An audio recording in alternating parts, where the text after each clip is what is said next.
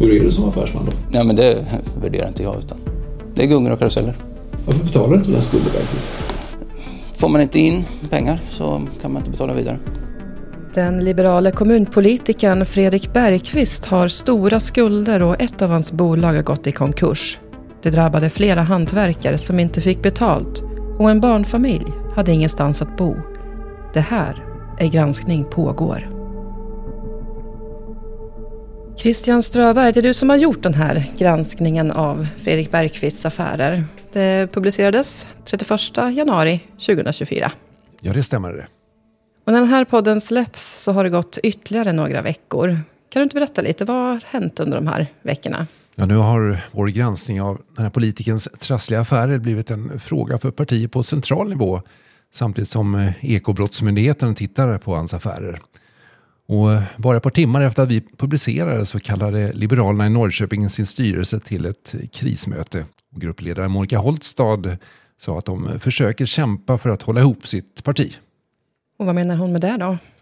Ja, det här partiet har ju haft en rörig höst och vinter. Bara några dagar före vår publicering så uteslöts det tidigare kommunalrådet Reidar Svedal ur partiet. Och han fick ju sen lämna sin kommunalrådspost. Och varför uteslöts han? Det var ju två skäl. Bland annat så skickade Reidar Svedal olämpliga sex-sms till en kvinnlig politiker i Kristdemokraterna. Men också för hans agerande när planerna på en satsning på kärnkraft i Marviken presenterades förra året. Då anklagades Svedal för att ha varit omdömeslös och jävig i kontakten med en företagare som äger Marviken och som också ligger i konflikt med kommunen. Mm. Och så kom då den här publiceringen om Fredrik Bergqvist som grädde på moset för Liberalerna. Det var kanske inte en av Monica Holstads lyckligaste stunder när hon läste den. Och du har ju pratat med henne igen om förtroendet för Fredrik Bergqvist och vad som händer nu. Vi ska strax komma till det, men först kan inte du berätta lite kort om vad den här granskningen av Fredrik Bergqvists affärer handlar om? Ja, Fredrik Bergqvist drev ett byggbolag som hette MA Group. Vintern eh, 2022 så tog han sig an renoveringen. Ja, egentligen var det en stor ombyggnad av en villa i Norrköping. Sommaren det året så skulle då en barnfamilj flytta in i sitt nyrenoverade hus. Så var det i vart fall tänkt, men så blev det inte. För Bergqvists bolag saknar erfarenhet av den här typen av stora jobb. Så eh, istället så fick familjen problem när de inte hade något hus att bo i eftersom arbetet drog ut på tiden. För det fanns hantverkare på bygget som slutade och jobbare som inte fick betalt av Fredrik Bergqvists bolag. En av dem är målaren Tony Sailor. Han vände sig till domstol för att få sina pengar. Han säger så här. Och när jobbet var slut och skulle betalas, det kom inga pengar. Men något fel så bestrider man ju fakturan. Mm. Det gjorde inte han. Han fick två påminnelser till, det hände ingenting. Det visade sig också att långt ifrån alla i Fredrik Bergqvists personalstyrka på det här bygget var utbildade hantverkare. Gustav Kecker driver Norrköpings rörtjänst, en av de VVS-firmor som jobbat i huset. Och han beskriver situationen så här. Nej, men, eh, det, det, var väl den eh, känslan man fick eh, ganska tidigt, liksom, att det här, här behöver vi nog se upp. Mm, byggare som inte är byggare alltså. Det låter som att det är upplagt för att bli fel. Eller? Ja, det, det stämmer. En, en besiktningsman, Patrik Svensson heter han, han kontrollerade huset och hittade över 150 fel. Allt från golv som lutade, innerväggar som var sneda till feldragna elledningar och vattenledningar som riskerar att frysa sönder. Och jag frågade Patrik Svensson om han ville kalla det här för ett fuskbygge. Ja, ett bygge där det inte finns någon erfarenhet. Och inte heller han fick betalt för sitt jobb. Det hela slutade med att bolaget Emma Group gick i konkurs med stora skulder till bland annat hantverkare. Och den här familjen de fick hitta ny personal för att göra klart huset. Och det blev en ombyggnation som blev betydligt dyrare än planerat. Men hur kommer det sig då att den här familjen valde Fredrik Bergqvists byggbolag? Ja, pappan i familjen han berättade för mig att han kände förtroende för Bergqvist när han mötte honom första gången. Han verkade seriös och att han dessutom var politiker. Ja, det såg han som en garanti för att det här skulle bli rätt. Pappan säger att är man politiker så är man också rädd om sitt rykte. Och sen då började du undersöka Fredrik Bergqvists affärer. Vad hittade du då? Jag hittade stora skulder, både privat och i hans bolag som han varit involverad i. där det också finns flera konkurser i bagaget. Och ett av hans tidigare bolag det utreds just nu av Ekobrottsmyndigheten. Den senaste konkursen i Emma Group, alltså det här bolaget som skulle renovera familjens hus, ja, den är inte avslutad ännu. Och konkursförvaltaren granskar just nu en del pengaöverföringar mellan Bergqvists egna bolag. Och bland alla de 130 kommunpolitiker i Norrköping så sticker Fredrik Bergqvist ut med sina stora skatteskulder. Och vad säger Fredrik Bergqvist själv då? Han säger att han har ett ansvar för att det gick snett med renoveringen av den här familjens hus. Men han kan samtidigt inte se vad han skulle gjort annorlunda, säger han. Och jag frågar honom då om hur han ser på risken att bli anmäld till Ekobrottsmyndigheten i samband med den här senaste konkursen. Då svarar han. Nej, det, det känns ingenting som jag inte kan stå för. Jag har ju um, ekonom som sköter redovisningen och allting så jag gör det inte själv heller. Men så såg du också något när du var på väg ut från Fredrik Bergqvists kontorslokaler. De eh, ligger ju i ett hus vid flygplatsen. Vad var det du såg? Ja, jag såg när jag gläntade in i rummet att det, det bor, eller har i vart fall bott folk i det här kontorshuset. Fredrik Bergqvist medger när jag frågar honom att han faktiskt hyr ut rum till bland annat personal.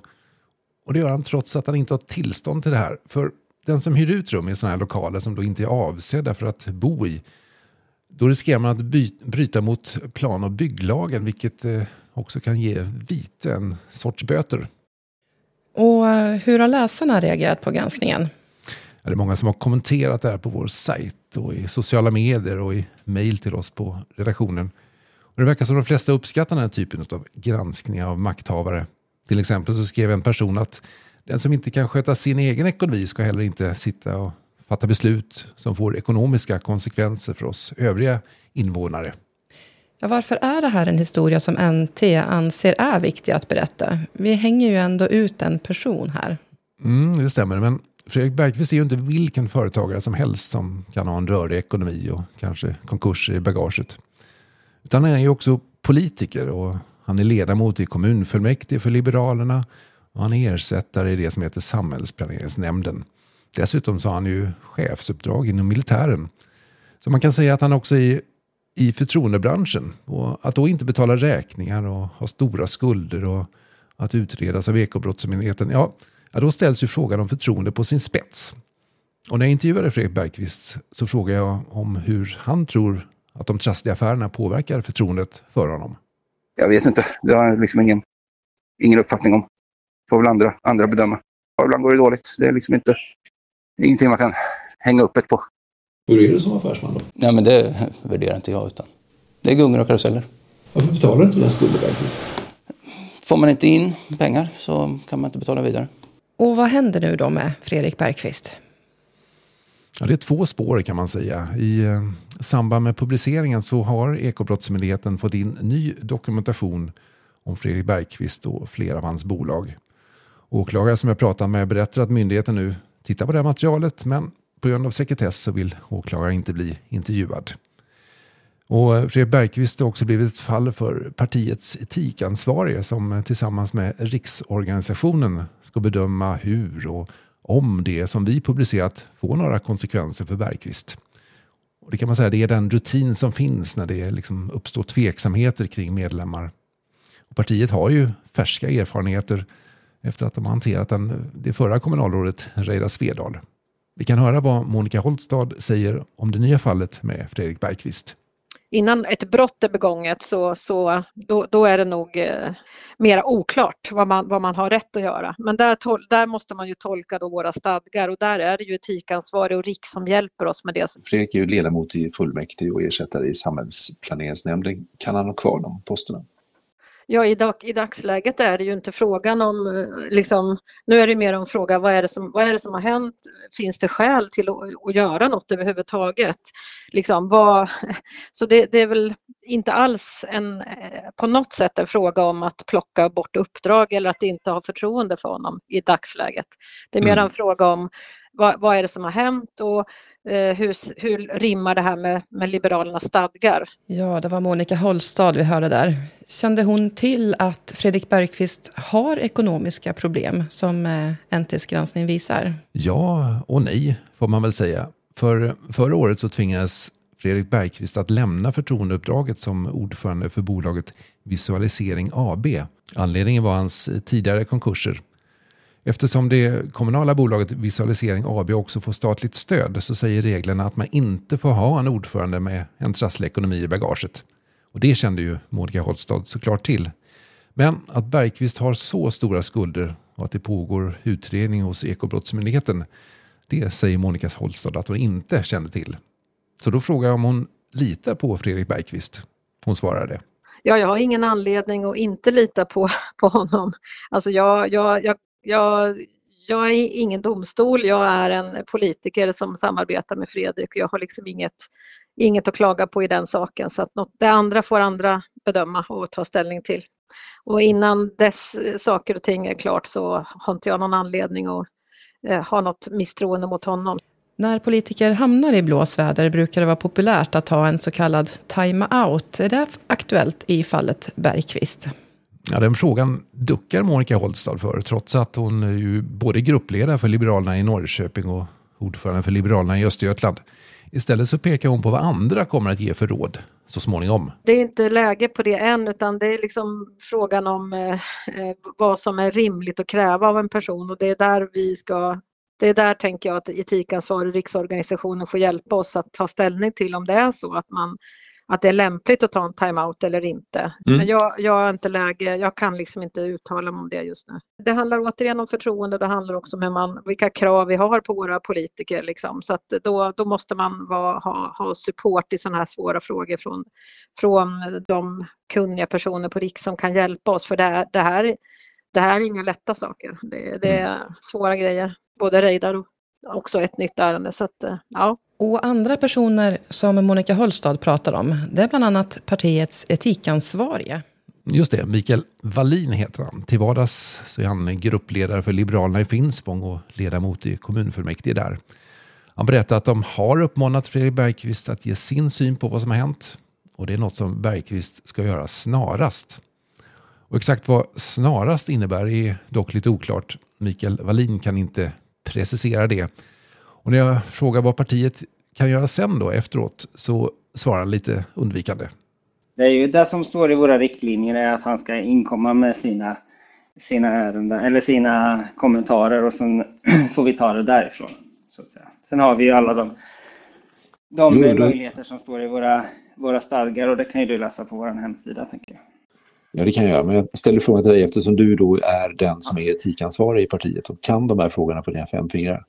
Vad, vad är liksom de möjligheterna? Jag har inga mer kommentarer nu. Jag måste gå vidare.